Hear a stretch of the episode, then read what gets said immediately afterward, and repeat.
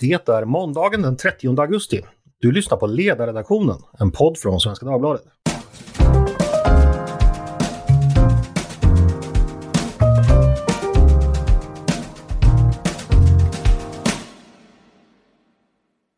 I förra veckan publicerade Brottsförebyggande rådet en uppmärksammad och länge efterlängtad rapport.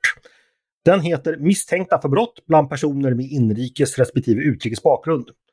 Och den handlar om precis det den heter. Eh, BRÅ, Brottsförebyggande rådet, har alltså tittat på alla som varit misstänkta för brott i Sverige under ungefär de senaste tio åren. Undersökt vad de respektive deras föräldrar är födda.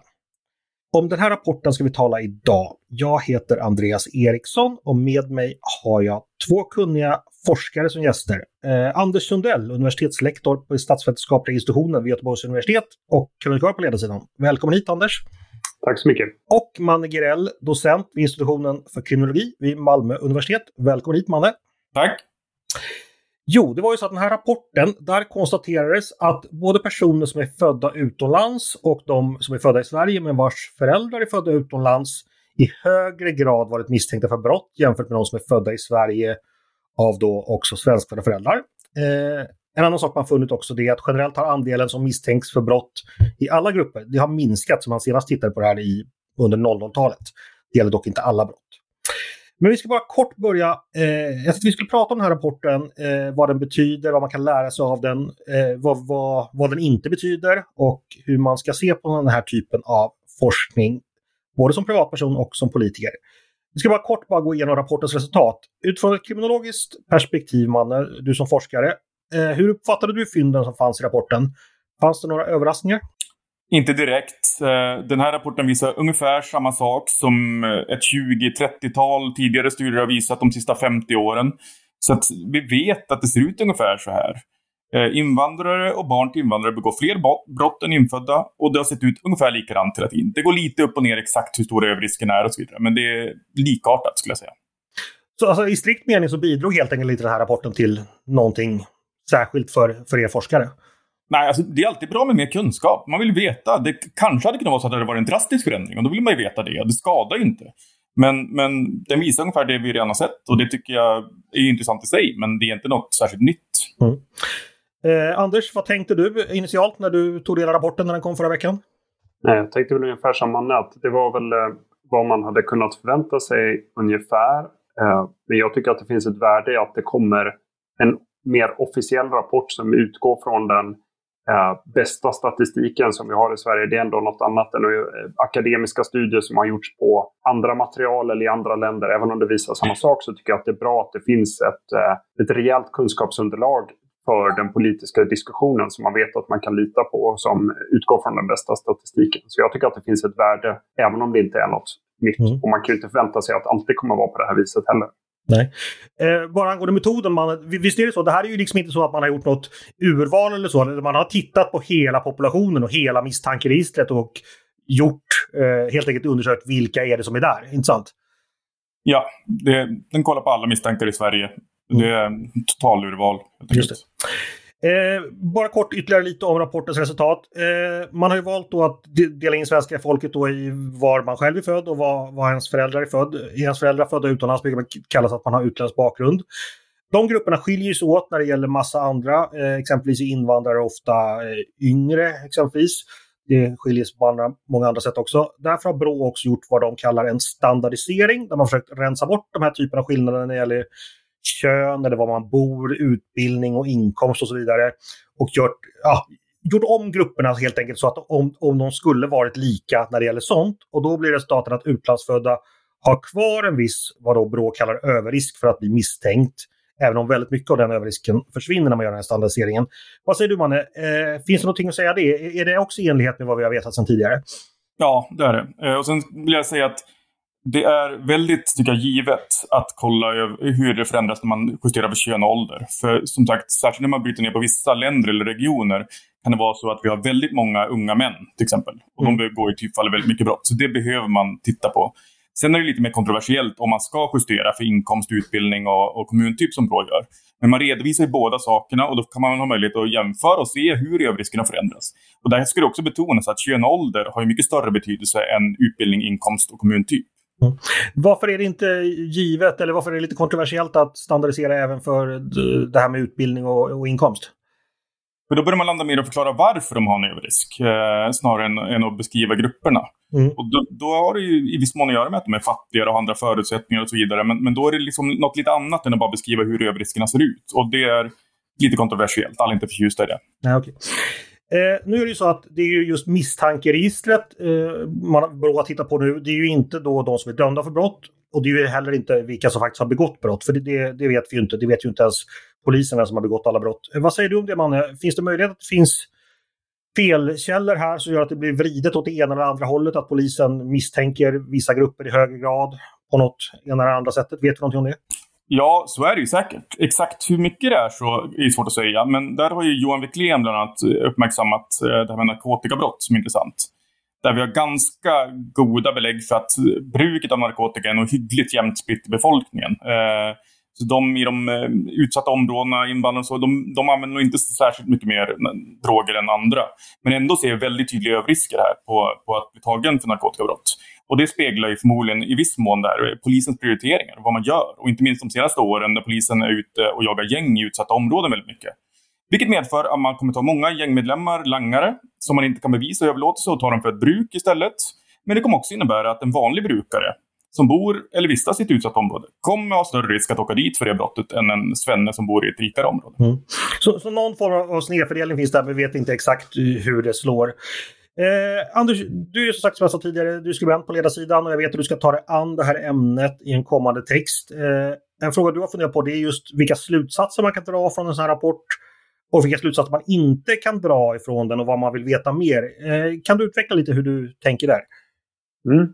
Jag tänker mycket på de sakerna som Anne pratar om just nu. Jag tycker det är äh, intressant det här med standardisering. För att det är ju en statistiskt äh, standardverktyg. Man kan göra på lite olika sätt, men att man försöker så att säga ta bort ur eh, förklaringen och se vad beror på ekonomi, ekonomi, vad beror på kön, vad beror på ålder, vad kvarstår, vad har vi inte kunnat förklara med de här sakerna. Och just det elementet är ju någonting som har förekommit mycket i diskussionen nu om den här rapporten. Att folk säger, vissa säger då att eh, kolla mycket av överrisken försvinner när vi tar hänsyn till de här sakerna. Alltså är det vi borde fokusera på klassklyftor eller segregering eller sådana saker. Och eh, jag såg till exempel eh, DNs krönikör Alex Schulman skrev häromdagen att eh, det finns många förklaringar till den här överrepresentationen. Men att eh, vara invandrare är inte en av dem. Han menar att det beror på andra saker. Men det jag tycker här är att det, som Anne sa, det är kontroversiellt. Eh, det behöver kanske inte kontroversiellt, men det beror på vilken fråga man vill svara på om man ska göra en sån här standardisering eller inte. Det är inte så att det bara handlar om att man ska göra en bra metod och så får man ut det rätta svaret, utan vilken metod man använder beror på vilken fråga man vill ställa. Och om man till exempel vill ställa frågan, eh, är det troligt att den här överrepresentationen beror på någon sorts kultur av eh, laglöshet eller att man inte bryr sig om lagar och regler? Ja då är det naturligtvis rimligt att försöka kontrollera bort så mycket som möjligt som har att göra med livssituationen. Så att man ser att en person som då ska tänkas ha en annan kultur men som har samma livssituation begår den fler brott. Då är det rimligt alltså att vi kontrollerar för så mycket som möjligt och standardiserar. Men om man istället funderar på effekter av invandring i stort eh, och det kan tänkas vara så att invandring i sig leder till segregation eller att personer som har invandrat kommer ha svårare att ta sig in på arbetsmarknaden och så.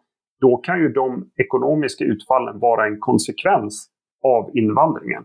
Så att det är invandringen i sig som leder till socioekonomisk utsatthet som är det som sen kanske mer omedelbart leder till brottslighet. Och då ska man inte ta bort de effekterna av det. Så att jag tycker att det är väldigt viktigt att försöka hålla tungan rätt i mun här och fundera på vilken fråga är det jag försöker besvara? Och sen välja metod eh, utifrån det. Så det är inte så att vi alltid ska försöka förklara bort de här skillnaderna. Så att säga. Men ibland så ska vi det beroende på vad det är för frågor vi ställer. Just det. Eh, mannen, när du hör det här, har, har, du några direkta tankar på det Anders precis resonerade kring? Nej, det lät väldigt klokt tycker jag. Jag tycker det var vettigt. Eh, för, för jag tänker så här, det, är sagt, det verkar finnas en vilja då till, eller ska man säga vilja, det, det, man är ju ute efter att försöka isolera olika olika förklaringsmodeller här. Då används exempelvis kultur som en, vilket jag inte är helt säker på exakt vad han menar det. Men jag antar att det menas exempelvis med att om ett visst antal svenskar skulle exempelvis flytta till ett annat land där man inte dricker alkohol så skulle då den kultur vi svenskar fört med oss gjort att kanske alkoholvåldet i det landet skulle öka eh, av någon anledning. Ja, för att vi helt enkelt har en alkoholkultur i Sverige. Eh, jag vet inte, vad tänker ni kriminologer om det, man Att det här liksom skulle finnas liksom olika typer av kulturer som gör att olika brott skulle bli vanligare i vissa grupper utifrån var man är född. Är det relevant för er? Eller forskar man på det? Eller tittar man på det? Eller hur resonerar ni kring det? Jo, alltså det forskar man absolut på. Men man kan backa bandet lite grann och tänka subkulturer som är något som man har forskat mycket på. Det handlar mer om att man skulle utveckla en slags kriminell kultur i, i utsatta områden i princip. Mm. Det har det forskats på inom kriminologin i säkert hundra år. Och det är en annan sorts kultur. Men det är också en typ av kulturforskning, man kan mm. säga. Men jag skulle nog säga generellt att jag upplever det som att den typen av eh, kulturellt eh, betingade förklaringsfaktorer inte lika populära nu som de var för kanske 50 år sedan i, i kriminologin, även om det fortfarande förekommer. Jag tänker så här, för att invandring och brottslighet, det är, när det blir politiskt så blir det väldigt kontroversiellt. Men om jag då som lekman tänker, egentligen är det väl inte så kontroversiellt att en nykomling till ett samhälle eh, med de liksom, vissa nackdelar det kan innebära att man har en utbildning och en uppfostran som är gjort för ett annat samhälle. Att man då hamnar i en social situation i det nya landet som skulle kunna innebära en förhöjd risk för brottslighet. Det är väl egentligen inte så kontroversiellt, eller hur tänker du man? Eller det, för mig låter det inte som någon orimlig tanke att risken kommer med, med en sån bakgrund. Det låter jätterimligt och när du uttrycker det så, så känns det helt självklart. Men i USA begår invandrare färre brott än infödda. Och det gäller även så kallade illegala invandrare, papperslösa. Mm. De begår färre brott än infödda. Och då är det där lite grann så här, men, men vad är det som gör att de invandrare som kommer till USA inte begår fler brott då? Och då faller lite grann det där resonemanget skulle jag vilja säga. Och här skulle jag lyfta fram faktiskt, där har ju Sarnecki har ju fått väldigt mycket skit för den teorin, eh, hypotesen som han lyft fram. Eh, men den skulle kunna förklara det här. Och han säger helt enkelt att det är alltid underklassen som begår flest brott. Sen vilka som är underklassen, det förändras. I Sverige är det till stor del invandrarna och invandrarnas barn. I USA är det de svarta istället. Mm. Afroamerikanerna. Då kommer det vara de som begår flest brott och då begår inte invandrare lika många brott relativt befolkningen. Jag vet inte om det är så, om det stämmer. Men, men jag menar, det är ändå en intressant tanke att lyfta i det här eh, sammanhanget. Just för att i norra Europa, Västeuropa tror jag att vi är ganska ense om att eh, invandrare och barn till invandrare begår fler brott. Men det är ingen naturlag eftersom att det inte är så i USA. Nej. Eh, det var min nästa fråga. Finns det några generella eh, slutsatser man kan dra om hur, hur, hur nyanlända... Det är alltså, alltså inte något universellt att nyanlända tenderar att hamna i situationer och begå fler brott, utan det skiljer sig helt enkelt mellan länder och tider och situationer. Ja, eller jag skulle säga att de flesta länder som jag känner till så är som i Sverige. Eh, i, I stora delar av Europa ser det ut ungefär som i Sverige. Eh, det är USA som sticker ut där, men i forskningsvärlden så är USA så oerhört dominanta så att där är det förmodligen snarare så att en vanligare fråga är varför begår invandrare så få brott? Än den fråga vi ställer i Sverige och Nordvästeuropa om varför de begår fler brott. Mm. Då skulle man ju som lekman också kunna gissa på att kanske eh, nyanlända skulle ha mer att förlora på, att det skulle finnas något rationell kalkyl bakom att man riskerar att bli deporterad eller att inte få sitt medborgarskap eller något sånt där om man begår brott, vilket då en rationell människa kommer mer akta sig än en infödd, kanske. Så skulle det kunna vara. Eh, och Amber Beckley i hennes avhandling, då hon forskade på eh, barn med utländsk bakgrund i Stockholm, hon tangerar de här frågorna lite grann. Hon kom bland annat fram till att medborgarskap var en skyddsfaktor som gjorde att eh, invandrare begick färre brott. Anders, hur, hur tänker du kring det här? Om invandrare står för en viss del av brottsligheten i liksom egenskap av att de hamnar längst ner i ett samhälle och det i alla fall i det svenska samhället så tenderar nyanlända att hamnar längst ner och det är där brotten begås. Vad, vad leder det vidare för, för slutsatser kring hur vi ska betrakta invandringen och se på, eller se på samhället som helhet när det gäller den aspekten? Hur tänker du? Ja, jag tänker att det, det kommer ju aldrig en politisk slutsats färdig ur forskning eller att, att beskriva verkligheten. Och jag tycker mycket handlar ju om så att säga, vad tar man för givet och vad tänker man att man kan ändra på? Alltså, jag, jag tror ju som du, eller tycker inte heller som du, att det är något konstigt. Det var det jag var inne på lite tidigare. Att om man har eh, invandring av personer som inte har samma utbildning och som eh, av, av, naturliga skäl inte kan språket eh, innan och så, så kommer det vara personer som har ett tuffare läge att komma in i samhället och etablera sig i samhället och så än personer som är födda här med svenskfödda föräldrar. Och det ökar ju risken då för brottslighet. Men vad är, vad är slutsatsen av det och vad vill vi göra åt den saken? Där finns det ju såklart då partier som Sverigedemokraterna som säger att alltså minskar vi invandringen så kommer de här problemen minska. Eller då som Morgan Johansson eh, sa häromdagen, ja vi måste hantera integrationen och klassklyftorna. För att om vi då på det sättet motverkar det här eh, uppförsbacken som de här personerna har, då kommer vi på samma sätt att minska eh, överrepresentationen och lösa problemet. Så att det, det, handlar ju mer om vad man tycker, vilka rattar kan man skruva på? Vad kan man göra någonting åt? Kan man lösa klassklyftorna? Kan man minska invandringen? Och det, det finns flera sätt att hantera det problemet. Mm. Jag menar, sen är det också någonting som framkommer väldigt tydligt i rapporten är ju att eh, det finns eh, en extremt stor könsskillnad i eh, risken att misstänkas för brott. Eh, skillnaden mellan kvinnor och män är ungefär lika stor som den mellan eh, folk födda i Sverige med svenskfödda föräldrar och eh, personer födda i Sverige med utlandsfödda föräldrar. Eh, och eh, typ, utrikesfödda kvinnor har, är mindre ofta misstänkta för brott än svenskfödda män som har svenska föräldrar. Även om det är ganska likt där. Men där, där pratas det inte så mycket om hur vi ska göra för att minska männens brottslighet eller att det skulle riktas speciella insatser mot det. Så att allting handlar om så att säga, vad tror vi att vi kan göra någonting åt. Allt är inte lika lätt att påverka heller. Så att säga. Könsfördelningen i ett land kan man inte riktigt eh, påverka eller vrida på någon, någon, större utsträckning då, annat än kanske genom invandring.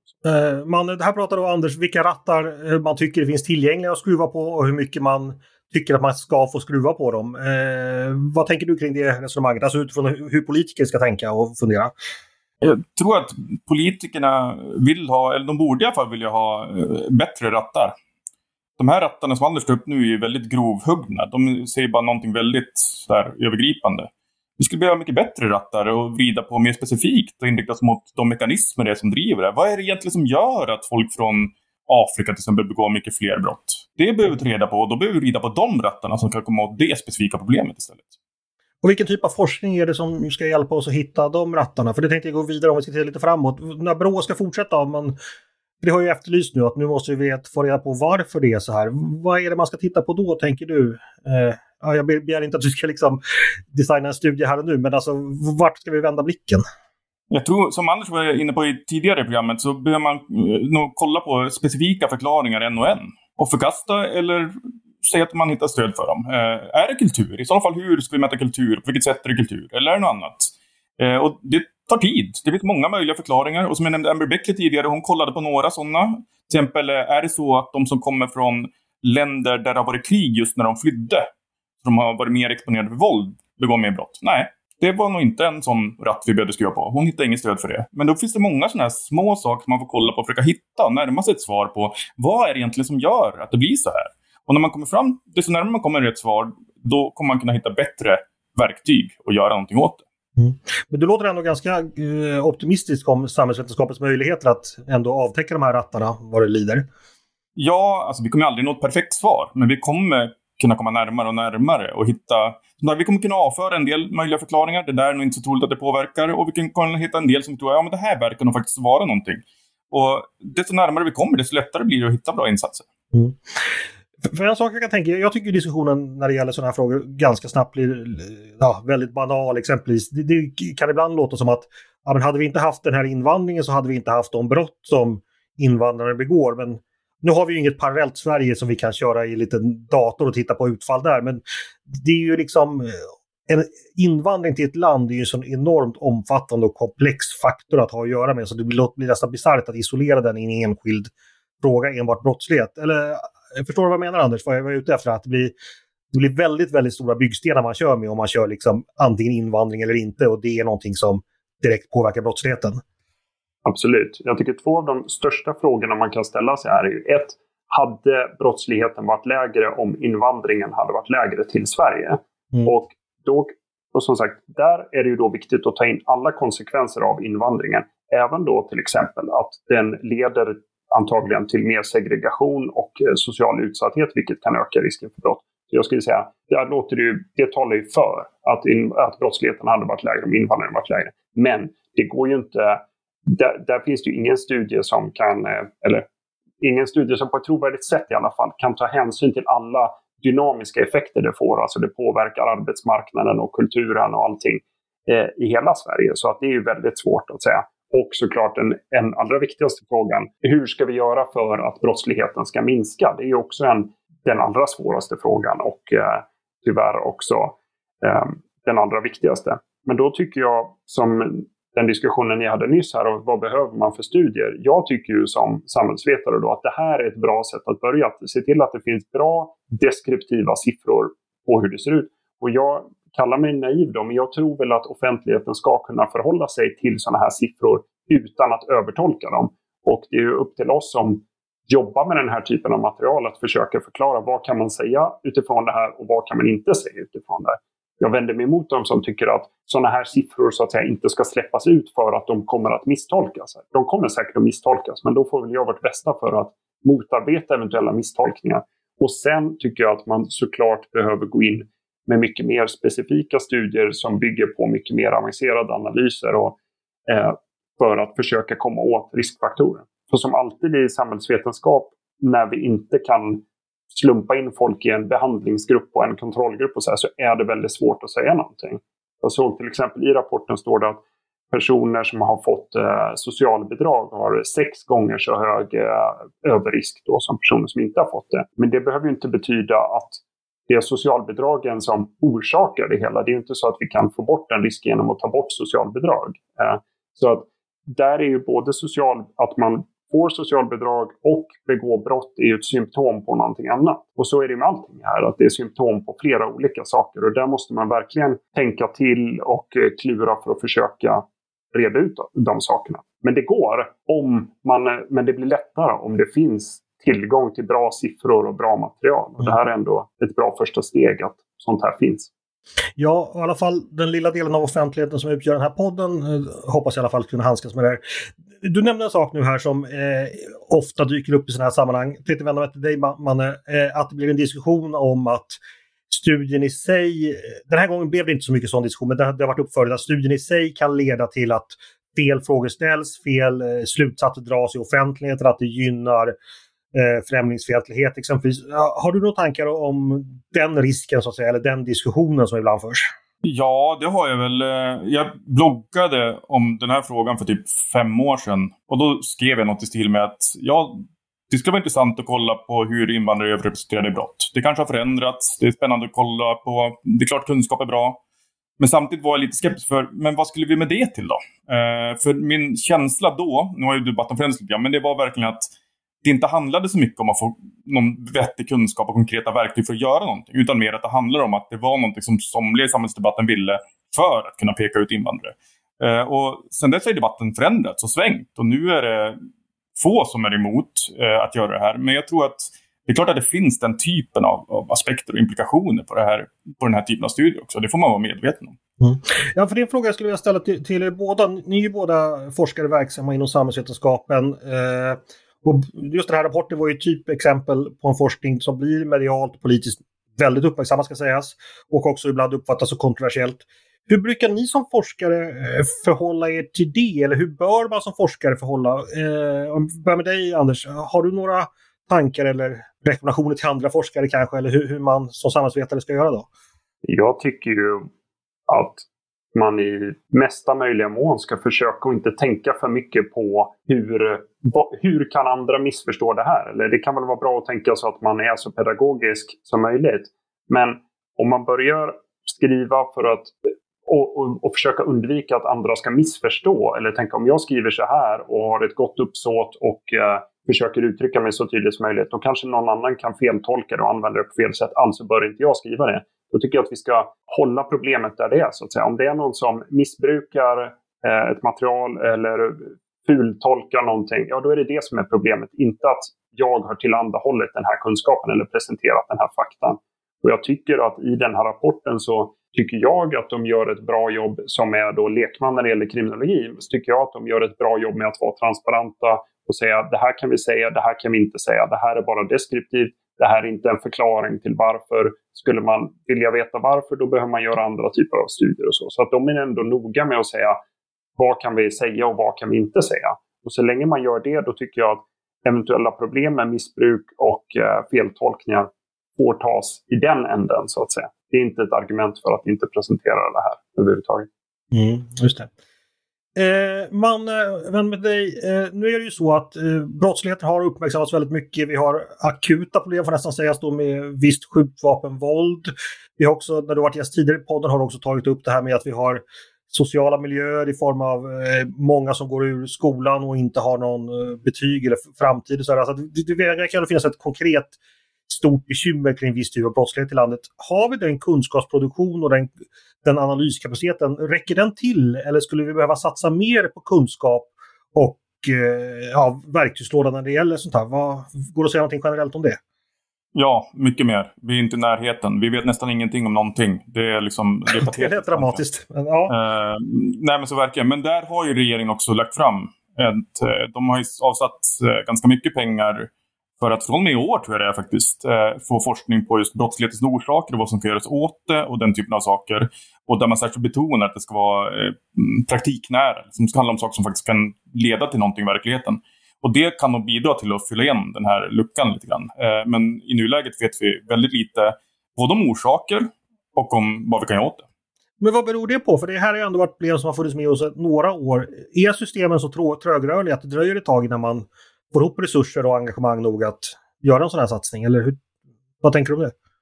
Ja, eh, det är de. Eh, när vi började med vår första skjutningsstudie då fanns det inga statistik eller någonting. liksom, man fick börja från början. Eh, nu vet vi mer, vi har ganska mycket statistik, det börjar finnas data. Men nu är nästa hinder på vägen är ju finansiering, skulle jag vilja säga. Där det är inte alltid så lätt att få forskningsmedel för att kolla vad händer med brottslighet om vi sätter upp en kamera i Angered. Liksom. Det är lite för praktiskt, lite för enkelt. Mm. Eh, mycket av forskningsmedlen är styrda mot mer teoretiskt viktiga, stora frågor. Och så ska det ju vara. Men det gör ju också att de här lite mer konkreta praktiska grejerna, särskilt på vad effekterna blir av att man gör saker, är inte riktigt, vårt system är inte riktigt anpassat för att finansiera den typen av forskning. Eh, Anders, du som är forskare inom ett annan, annat område, vad tänker du om det mannen berättar? Ja, om du frågar en forskare, behövs mer forskning eller behövs det inte mer forskning? Då vet du vilket eh, svar du kommer få. Men det här problemet med att det inte är så lätt att göra praktiknära forskning eller forskning som utvärderar effekten av reformer och så. Det känner jag igen från andra delar av eh, samhällsvetenskapen. Och när det gäller i och för sig, det börjar väl komma lite mer acceptans för det och lite mer sug efter det i de bästa samhällsvetenskapliga tidskrifterna om man kan ha riktigt fina forskningsdesign så att säga som utvärderar effekter så har det blivit lite vanligare. Men annars så är det som forskare så måste man ju försöka bli publicerad i fina tidskrifter för att kunna fortsätta sin karriär och då är det Sverige i sig är inte så intressant. Så det blir då mer att man får försöka hitta den allmänna vinkeln trots att man i, från politiskt håll behöver den specifika vinkeln, kanske ännu mer. Så att, eh, och jag tycker man kan jämföra lite med eh, pedagogikforskningen där det under väldigt lång tid var totalt nästan tabu att göra den här typen av effektstudier på reformer eller olika typer av pedagogik och så, vilket jag tycker att vi har lidit av nu då, att det har varit alldeles för mycket abstrakt eh, teoretisk forskning. Och så. så att man kunde ju hoppas att det utvecklas system för att göra mer praktiknära effektutvärderande forskning inom flera typer av samhällsvetenskap. Bara för att vara lite elak så vänder jag på frågan där. Eh, kan inte problemet också finnas hos er forskare att ni inte riktigt eh, räcker till när det gäller den här tredje uppgiften och att försöka informera allmänheten och i sin tur, som i sin tur kan påverka samhället. Behöver ni sticka ut hakan lite mer och bli lite eh, kaxigare? Manne? Ja. Ja, eller du är ju redan det, men an även andra forskare tänker jag. Ja, alltså det Men jag tror också... Jag gör mycket sånt, eh, men jag trivs också med det. Och sen tror jag man ska ha respekt för... Så här är det, alla forskare ska hålla på med tredje uppgiften, men ingen får betalt för det. Du, I praktiken förväntas du göra det på din fritid eller på den tiden som du egentligen ska skriva de här fina tidskriftsartiklarna som Anders pratade om. Uh, och därför finns det inga riktiga incentiv för det. Och sen är det också så att det passar inte alla. Jag gillar ju att mingla med poliser och kolla om kamerorna fick en effekt. Men det är inte alla som gillar det och där tror jag man ska ha lite respekt för det. Men, men som kollektiv, som forskarkollektiv så är det klart att ja, vi kan ju mer, absolut. Vi från media då, hur ska vi göra? Uh, vi ska ta oss ihop till lite uh, Anders, när vi journalister och tyckare och opinionsbildare pratar med er forskare, hur, ja, ska vi bjuda in er oftare helt enkelt? Eller ska vi ställa smartare frågor? Eller ska vi läsa på bättre? Vad, vad, vad kan vi bidra till? Nej, jag tycker det är ganska vanligt att eh, forskare klagar på journalister och tycker att eh, de ställer fel frågor. Ja, det är inte så konstigt om man har två timmar att sätta sig in i någonting eller en halvtimme jämfört med en själv som har det som heltidsjobb att hålla på med just den här enskilda frågan. Så att det kan man inte lägga på journalisterna utan Eh, journalister ska ju försöka ställa så bra frågor som möjligt utifrån sin vinkel och forskare får, bli, får, får försöka nå ut. Men samtidigt så är det ligger också i forskningens natur att vara tillbakablickande. Att om man ska vara säker på någonting då kan man inte prata om vad som komma skall utan då får man kolla på vad som redan har hänt. Vilket gör att det blir inte riktigt det som politiker måste fatta beslut om. Politiker måste ju fatta beslut om att gissa vad kommer hända. Om vi gör så här, vad tror vi då kommer hända? Det kan man inte vänta på att få en perfekt akademisk studie på innan man fattar sitt beslut. Så att forsk det, det, kommer aldrig finnas en situation där det är att man bara lyssnar på att man bara lyssnar på forskarna och så får man svaren för hur man ska göra det politiskt. Så att eh, det kommer alltid finnas ett element av att man gissar och känner och prövar sig fram där man lyssnar på praktiker eh, och eh, man tar hänsyn till sina egna, värdering, egna värderingar och lyssnar på forskningen som en pusselbit eh, i det hela. Men så att jag tycker fortsätt att bjuda in forskare, men det kommer aldrig bli hela svaret härifrån. Väldigt klokt av Anders här. Jag skulle bara vilja tillägga, så här kommer det alltid vara. Politiker måste fatta beslut på ett bristfälligt underlag egentligen. Men det, det de kan göra, det är att de kan fatta beslut om att följa upp och utvärdera det där de testar. När de, när de inför det. Det gör vi nästan aldrig. Och det skulle man skulle kunna ha som en grundregel. Avsätt sig 1%, 10%, whatever, av allting ni gör för att följa upp och utvärdera vilka effekter det får. Då skulle vi få bättre kunskap i framtiden. Och där, där kan man ju, det är en större diskussion, men det finns sätt, vi har pratat om svårigheterna att mäta samhällsfenomen och så, men det finns sätt om man sitter som är, och är den som fördelar pengarna och beslutar om saker och ting, då finns det ju faktiskt sätt att designa det här så att det väldigt enkelt går att mäta effekterna sen. Till exempel om man vill se på effekterna av att eh, sätta upp kameror någonstans. Om man slumpar fram var man ska sätta ut de här kamerorna, då kommer det gå att få ett jättebra mått på det sen om det här hade effekt eller inte. Det är bara att det finns det ju väldigt låg acceptans för att man till exempel skulle fördela pengar slumpmässigt istället för till de med störst behov eller sätta upp kameror där det inte behövs jämfört med att sätta upp dem där man tror att det behövs som allra mest. Men jag tror att vi skulle behöva arbeta upp en större acceptans för den typen av slumpmässig policy. För då behöver man bara göra det en gång och sen vet man om det funkar istället för att vi försöker göra någonting så bra som möjligt och håller på år efter år med eh, eh insatser som inte har någon effekt. Så att det är någonting eh, politiker kan fundera på att göra det så lätt som möjligt att utvärdera om vi verkligen vill ha en liksom, faktadriven eh, politik.